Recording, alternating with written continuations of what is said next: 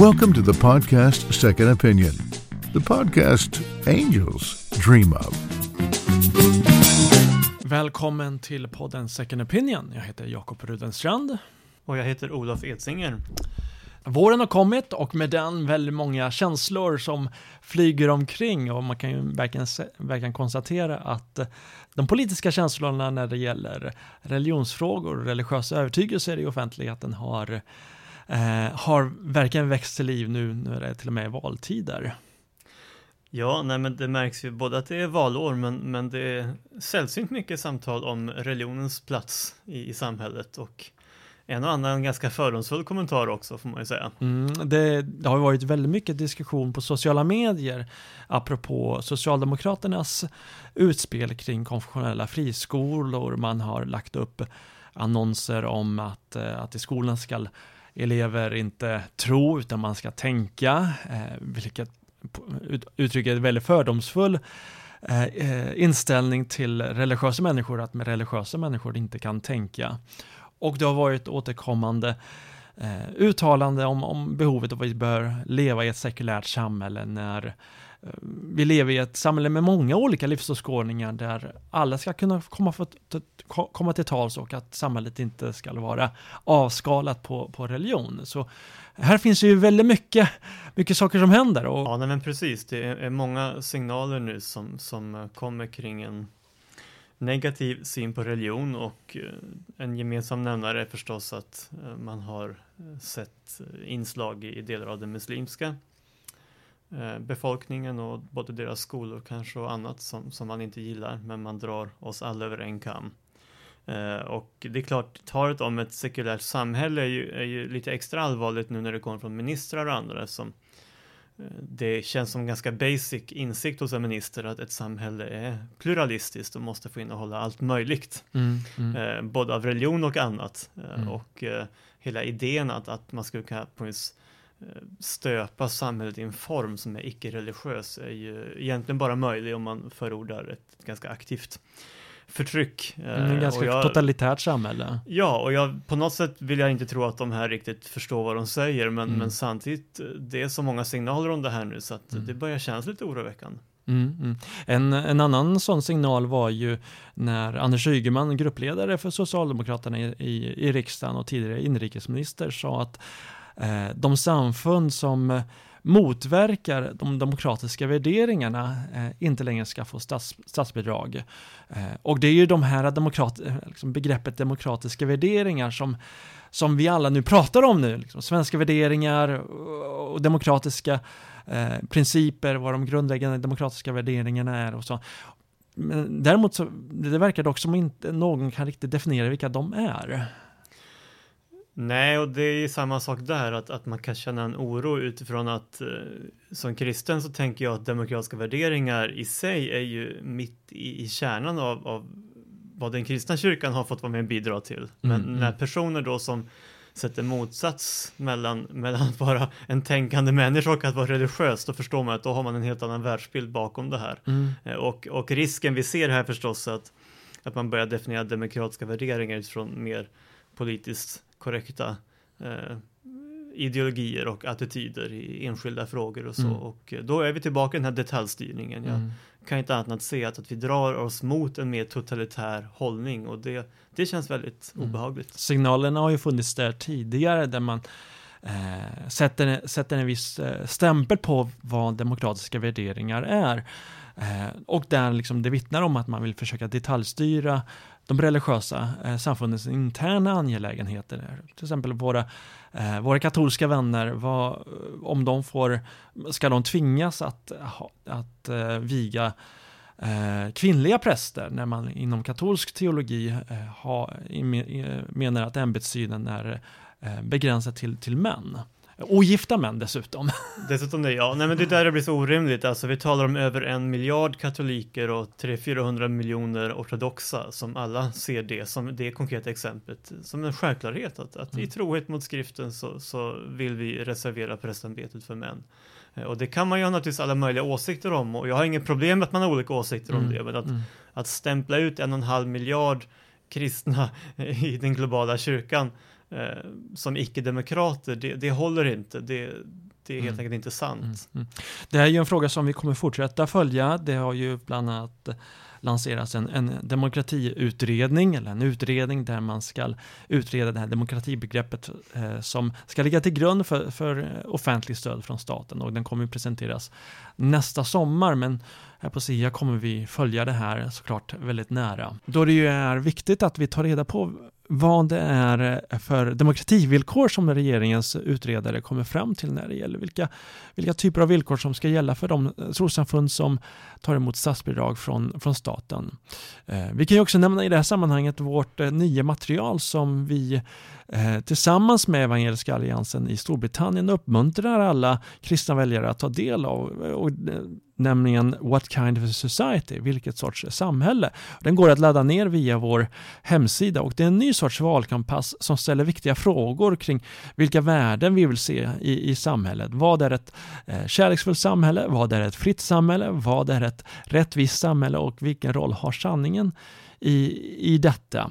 Eh, det, det, det är som jag sa, det är en ny sorts valkompass som eh, hjälper den att navigera bland de olika politiska slagorden och partiprogrammen inför valet och, eh, och är en resurs för, för kristenheten i stort att kunna vara en eh, både en profetisk röst i vår samtid men också att ställa viktiga frågor kring vilka värden är det som betonas i valrörelsen och hur, hur man använder dem. Men parallellt med alla de här utspelen så har det ju varit eh, eh frikyrkokongresser kan man nästan säga. Det har ju varit en rad ja. olika samfund som står oss nära. Eh, EFS, EFK, eh, Svenska Alliansmissionen, Eh, Equmeniakyrkan mm. som, som, som haft kongresser, jag ska försöka uttala alla deras namn, Evangeliska Fosterlandsstiftelsen och Evangeliska Frikyrkan, de är mer än sina förkortningar.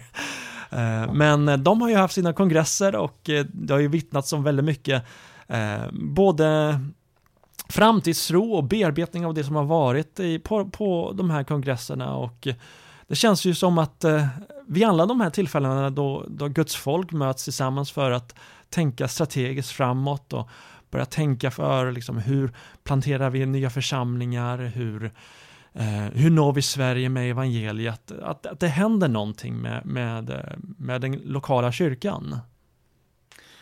Ja, nej men precis. Det, det rör sig verkligen på, på många olika sätt. Eh, men det finns ju också mycket bearbetning av, av alltså sånt som kanske inte har, har, har funkat som man hade önskat. Eh, så det är ju en tid att be för kristenheten också, att mm, vi verkligen mm. ska få lyhördhet för vad är nästa steg. Jag tänker mm. att vi lever i en tid då vi, vi behöver kanske ibland våga, uh, inte börja från noll, men, men våga tänka så att vi rensar bordet lite och ser hur kan vi mm.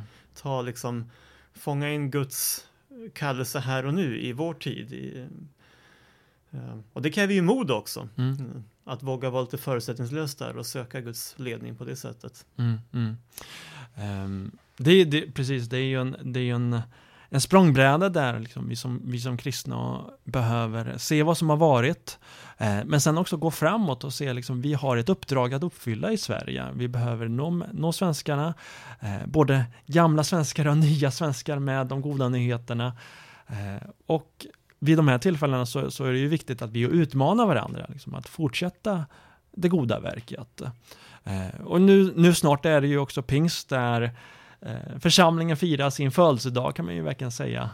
Ja men precis och, och att, att uh, våga se just det här behovet av den heliga ande. Det är ju intressant att Jesus talar om att vi måste födas på nytt och att han, han talar om det utifrån den heliga ande.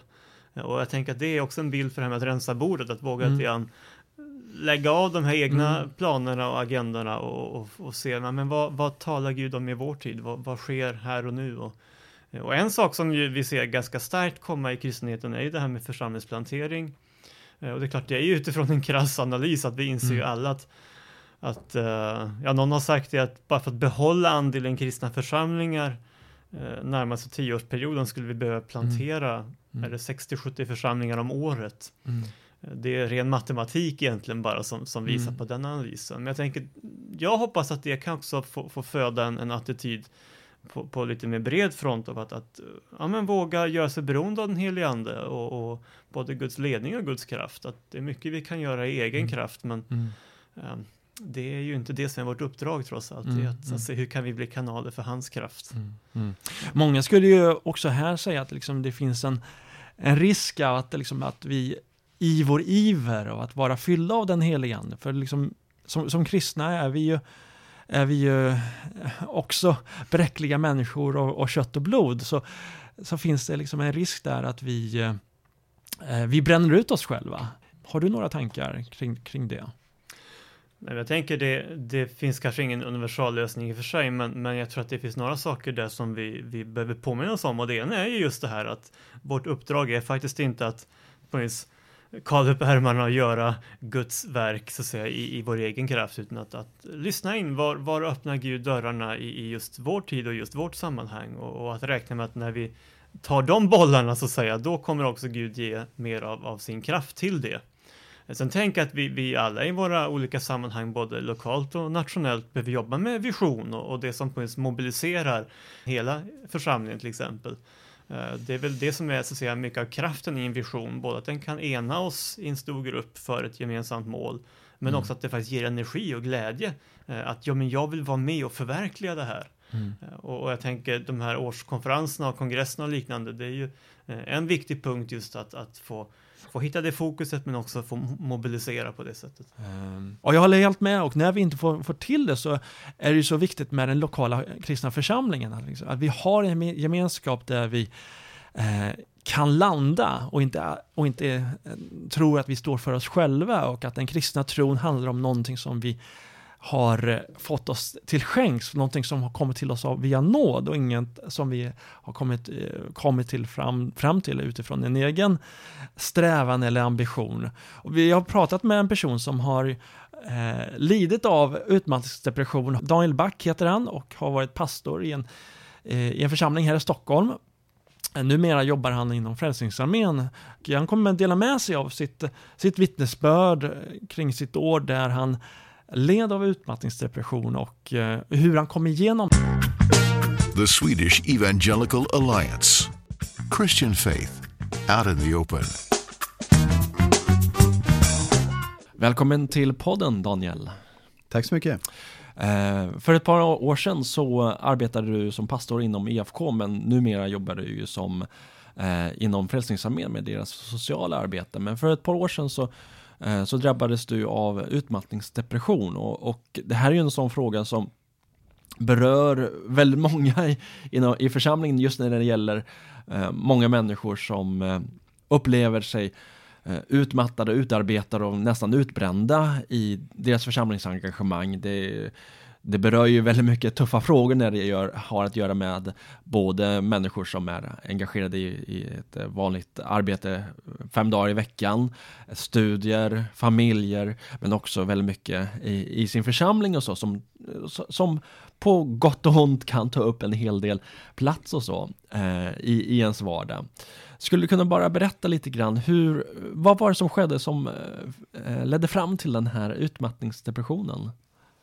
Ja, det är naturligtvis en, en lång berättelse. Eh, alltså psykisk ohälsa är ju alldeles för vanligt och det drabbar ju verkligen eh, kyrkligt engagerade också. Det har ju ökat med 60-70 procent de senaste sex åren tror jag. Det är något sånt. Och eh, för mig så drabbade, drabbades jag av det här för eh, sju år sedan nu, första vändan då, där jag var sjukskriven i ett år.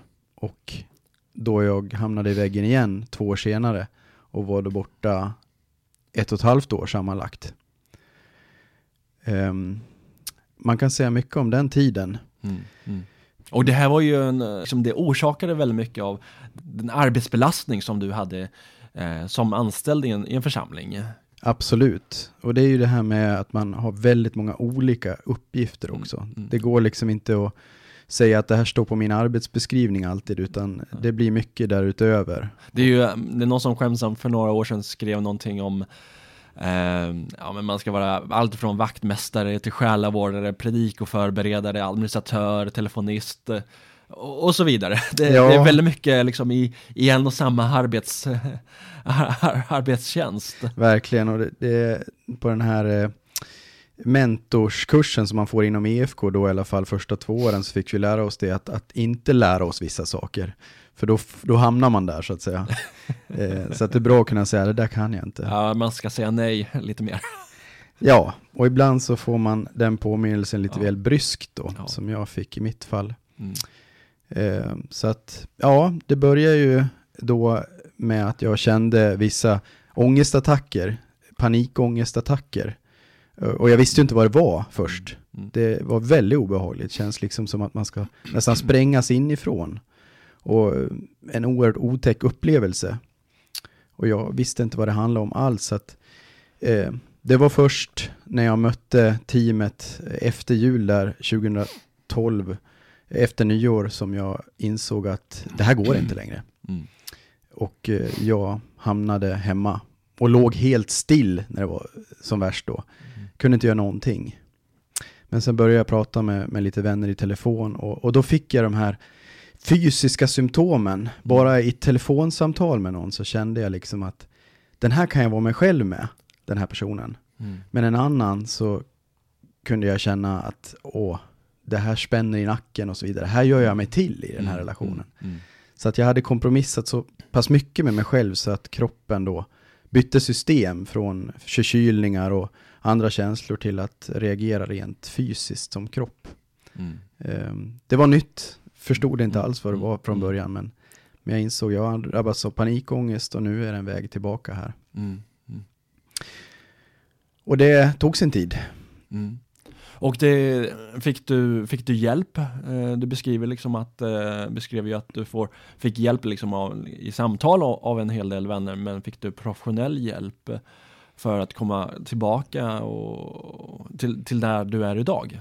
Ja, alltså första vändan då så, så gick jag en samtalsserie som man får hjälp inom IFK med en läkarkontakt som har tidigare haft kontakt med, med motsvarande problem. Mm. Så där fick jag hjälp och eh, det, det betydde mycket att få perspektiv och höra att Mm. det finns eh, hopp för en för att Mm. man känner sig ganska hopplös Mm. i, i den situationen. Man, men, men någon säger till en att ja, men det är bara 2-3% som liksom fastnar i det här. De flesta blir friska igen. Mm. Mm. Då känner man, ja, men jag... Men man inte tillhör eh, just den eh, procentandelen. Nej, och den är väl kanske lite speciell. Så det är väldigt god prognos Mm, eh, för att komma tillbaks. Mm.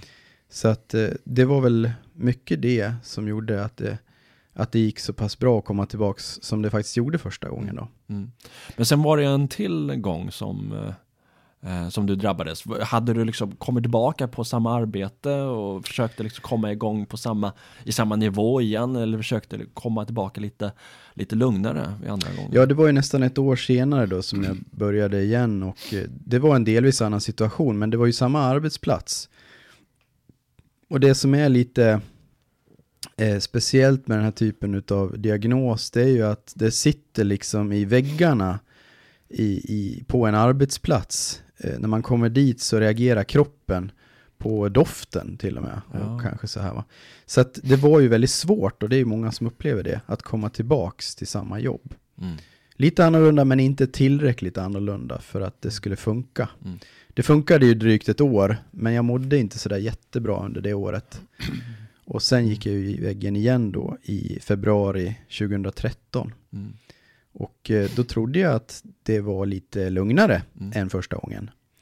Men jag fick inte den hjälp av framförallt läkarvården som jag skulle ha behövt i ett tidigt stadium. Mm.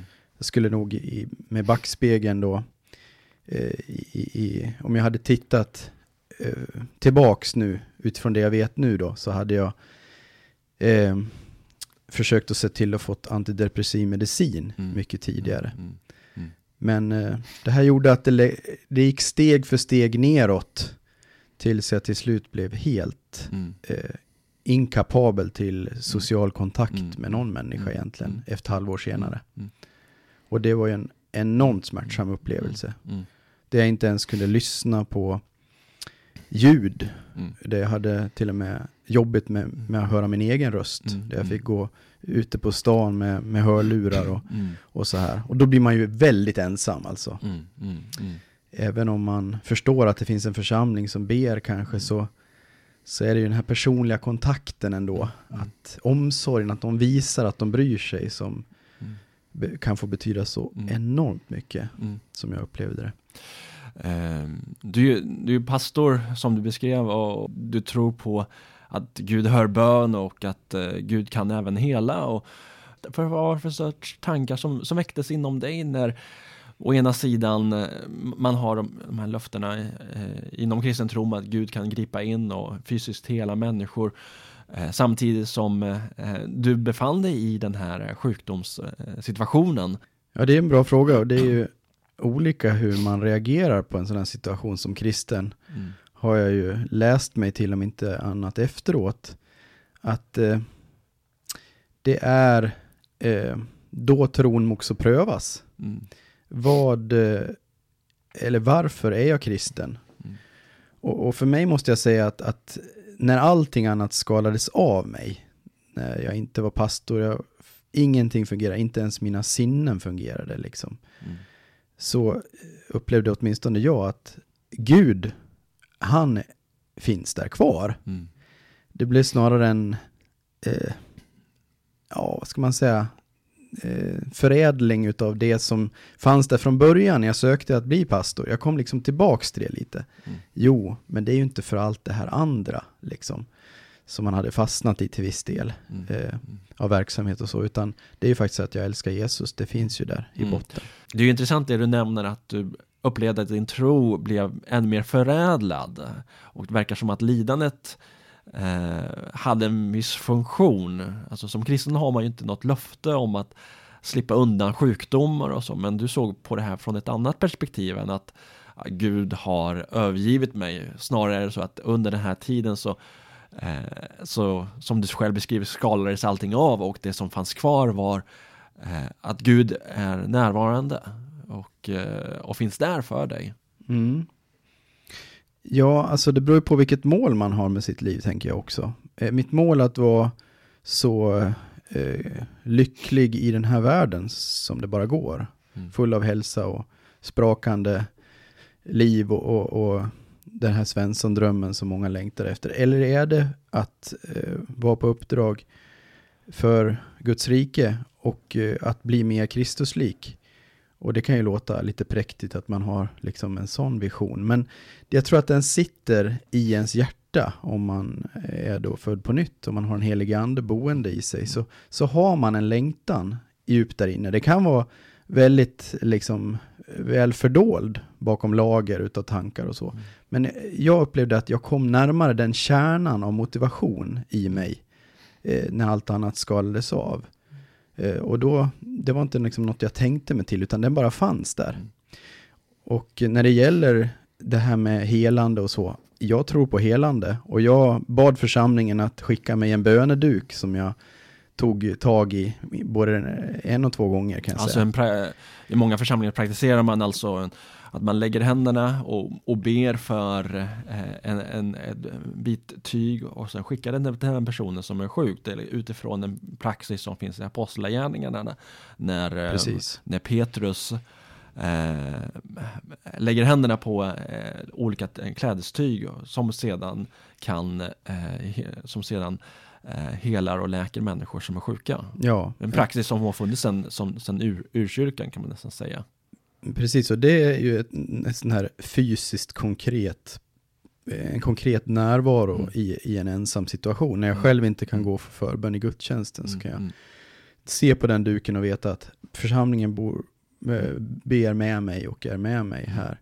Och det är som du säger, det är inte något magiskt över den här dyk- duken utan det, det är snarare det alltså konkret eh, bevis på, på att församlingen ber för dig och, Mm. eh, och är med dig i, i just detta. Ja, precis. Och det var ju bara ett, eh, en, en typ av, av sätt som församlingen brydde sig om mig. Det fanns ju många där som också skickade sms, brev, eh, ringde telefonsamtal som Mm. jag oftast inte orkade svara på. Mm. Även besök från eh, en del då som jag fick ta emot. Lite mat och sådär. Mm. Nu, jag, jag kunde väl handla själv kanske sådär. Det var inte maten i sig utan det var just tanken bakom, omsorgen Mm. och hur pass mycket det betydde, det var jag lite förvånad över. Mm. Jag hade inte kommit i kontakt överhuvudtaget med den nivån utav mottaglighet för, för kärlek alltså. Mm. Eh, det är klart vi blir glada när vi får ett sms och någon tycker om någonting vi har gjort. Men när man är så bort, när sinnena är så bortkopplade och man är så skör, Mm. så är den, det smset och den liksom känslan av att någon just nu tänkte på mig så oerhört mycket värd. Eh, Så att jag kände det, alltså jag ska tänka på det här när jag själv blir frisk igen. Eh, Det, det, det var något jag bar med mig, att då ska jag se till att jag skickar mycket Mm. uppmuntran till människor. Eh, För nu förstår jag vad det Mm. kan betyda för en ensam människa. Mm. Du, du mår mycket bättre idag och när kom du ut på, började arbeta igen?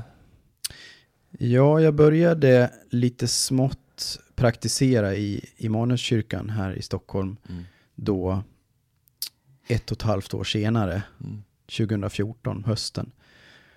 Och sen började jag en tjänst på halvtid för ny gemenskap i början av 2015 som sen fortsatte in i Frälsningsarmén. Då blev blev en tjänst ledig i den eh, kåren då som jag hade det här kaféuppdraget för ny gemenskap i. Mm. Så att eh, då blev jag hux flux med i Frälsningsarmén. det hade jag inte tänkt från början, men man får vara öppen för Guds ledning. Ja, Ja. övergång från ett, eh, ett sammanhang till det andra. Eh, Från Ja. IFK till Frälsningsarmén. Det är inte ett jättelångt steg men även om det, det skiljer sig en del i vissa prakt- praktiska frågor och så. Ja, för mig var det nog liksom inte i tankevärlden förrän jag eh, var där. Men det är inte första bytet av samfund jag har gjort ska jag säga, utan Mm. jag har varit med i de flesta samfund. eh, och, och det är spännande att upptäcka Frälsningsarmén också som eh, ett fantastiskt, eh, eh, ett fantastiskt arbete, inte minst det sociala. Mm. Och idag så arbetar du ehm, främst med, med, med, med, med möte av människor som är eh, romer eller det som man i, i media kallar, kallar eh, EU-migranter och, och många Ja. andra människor från olika liksom, kantstötta människor eh, på samhällets utkanter kan man säga. Det kan man säga. Vi har ju ett antal romer varje dag, men vi, den, den större delen är svenska fattiga människor som av olika anledningar har hamnat i utkanten av våra sociala system och de är marginaliserade. Det kan vara både socialt och ekonomiskt marginaliserade. Och det känns ju som att det jag har varit med om, det får jag använda mig av. Mm. Mm. Jag gissar att det, det måste också vara pressande att, eh, att dels komma från en sjukdomsperiod att ge sig in i en sån här ny situation där man möter väldigt mycket eh, trasighet och misär. Ja, det är både och det där. För samtidigt så möter du människor som är öppna och eh, mottagliga Mm. för ett möte alltså. Eh, alltså. Det är inte någon som ställer krav på dig på det sättet. Eh, Jag upplever att det, det, det tar mycket energi samtidigt som det ger mycket energi. Mm. Så att jag, jag, jag kände kanske tidigare då när jag var anställd där i, i Korskyrkan att det, det gick lite back, om man säger så, i energin. Mm. Och eh, här känner jag att eh, det är både mer ut och mer in, om man säger så. Mm. Men det, det, det, det blir plus i slutändan. Mm. Det går plus. Ja. Mm. Så att, eh, ja, det, känns meningsfullt. Du nämnde i början av vårt samtal att eh, psykisk ohälsa i Sverige har ökat med 60-70% under sex år. Det är ett stort problem, stort samhällsproblem och det är även ett problem inom församlingen. Vad tror du församlingen behöver tänka på när det gäller den här frågan? När den har ökat så jättemycket, eh, vad finns det för utmaningar, möjligheter för, för församlingar att, att tänka kring de här frågorna, både när det gäller medlemmar och anställda? Ja, det är bra att du säger möjligheter där, för det, det finns ju verkligen möjligheter. Vi, vi har ju någonting som många andra inte har. Vi har Gud som har omsorg om oss. Mm. Men tyvärr så kan det bli lite så i församlingslivet att man ska vara glad och, och man ska vara eh, liksom, man ska kunna svara på frågan hur, hur är läget? Jo men det är bra liksom. Och där kanske vi behöver bli lite bättre på att skapa miljöer där det finns lite mer tid också att kunna faktiskt säga, ja men det är inte så bra idag. Som ett samtal jag hade med en, en person idag. Kan du komma och prata med, det är inte bra liksom. Och så får man höra och lyssna på en berättelse om hur den har det. så eh, skulle församlingen i min, i min värld fungera mycket mer. För jag menar, det finns så mycket ohälsa, inte bara eh, psykisk ohälsa då, utan överlag. Människor mår inte bra i stor utsträckning. Eh, och, och, här behöver vi liksom skapa miljöer. Och det börjar ju med oss, att vi vågar vara oss själva. Mm. Mm. Och i de mötena så händer väldigt mycket helande. Man behöver inte vara samtalsterapeut för att ta ett samtal med någon.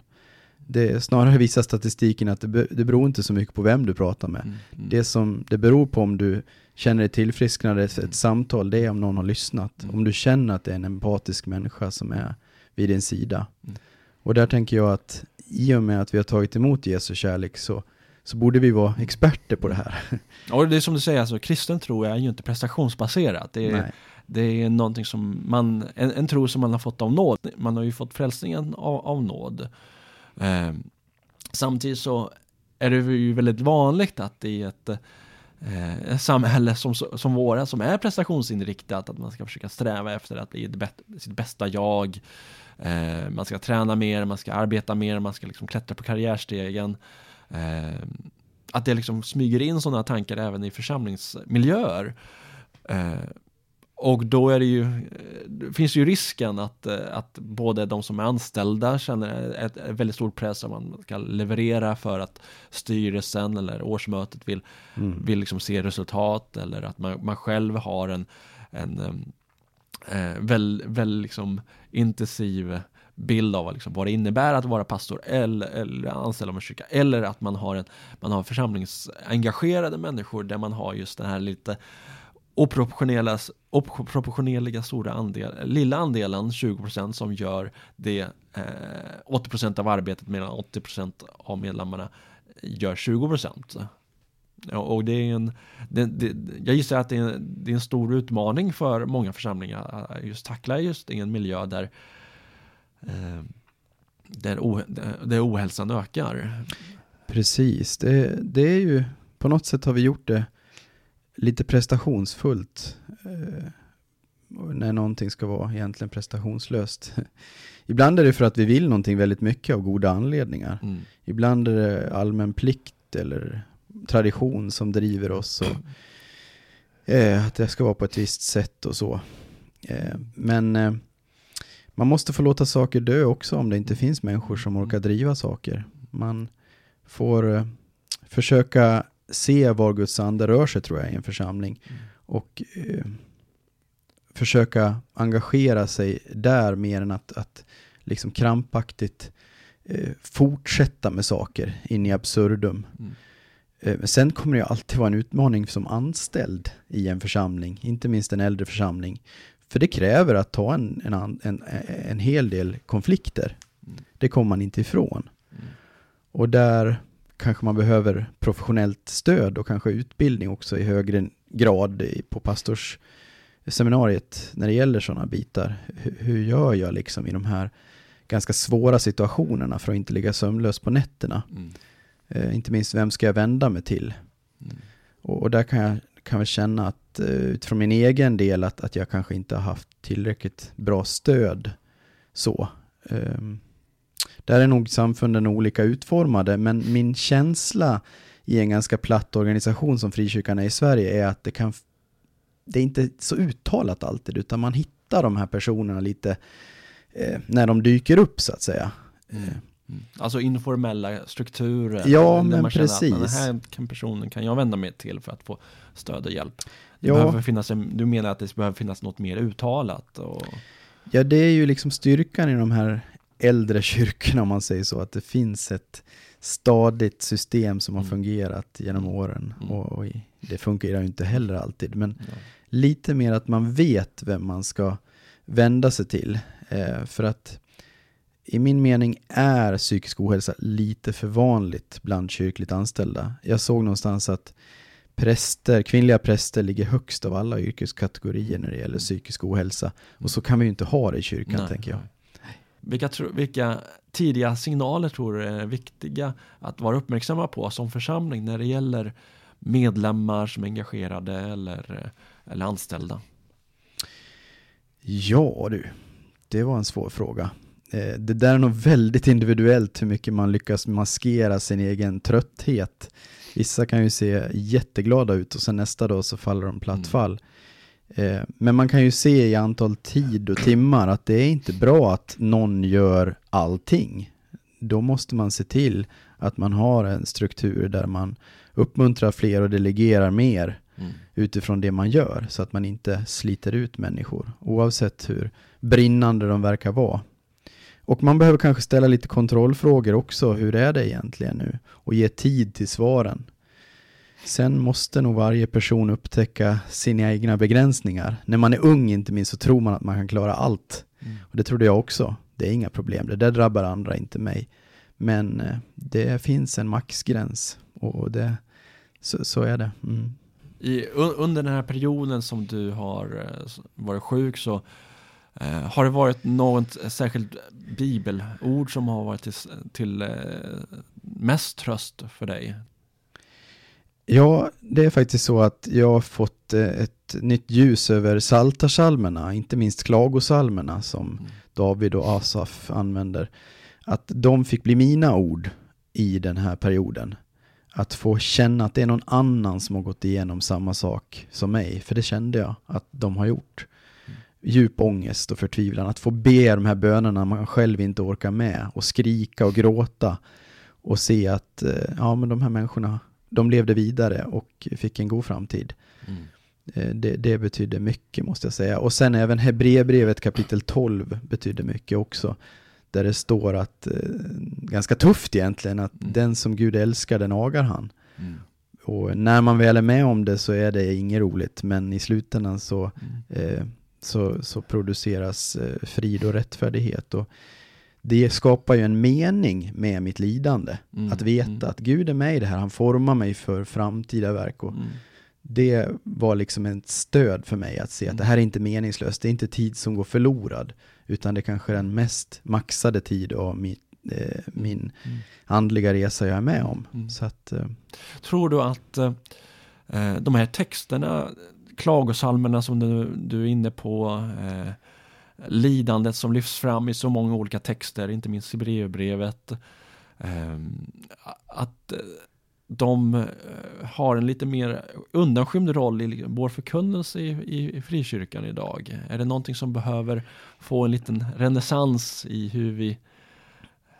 ja, det är en ledande fråga, jag Ja, är ja, helt precis. övertygad om det. ja, det är en ledande fråga, jag, jag är övertygad om det. Ja.